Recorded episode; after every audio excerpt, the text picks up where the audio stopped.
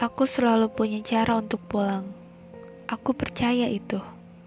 Meskipun kita pernah sama-sama tersesat, meskipun kita pernah sama-sama menyerah, hatiku selalu punya hati untuk lebih dalam mengikhlaskan.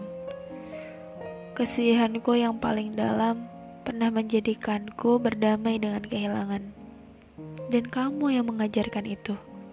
Sampai pada akhirnya kita paham bahwa cara satu-satunya berdamai dengan kehilangan adalah menerima bahwa kehadiran yang ada hanyalah sementara. Tak ada manusia yang siap dengan segala bentuk kehilangan. Tapi hatiku selalu punya hati untuk lebih dalam mengikhlaskan. Duniara.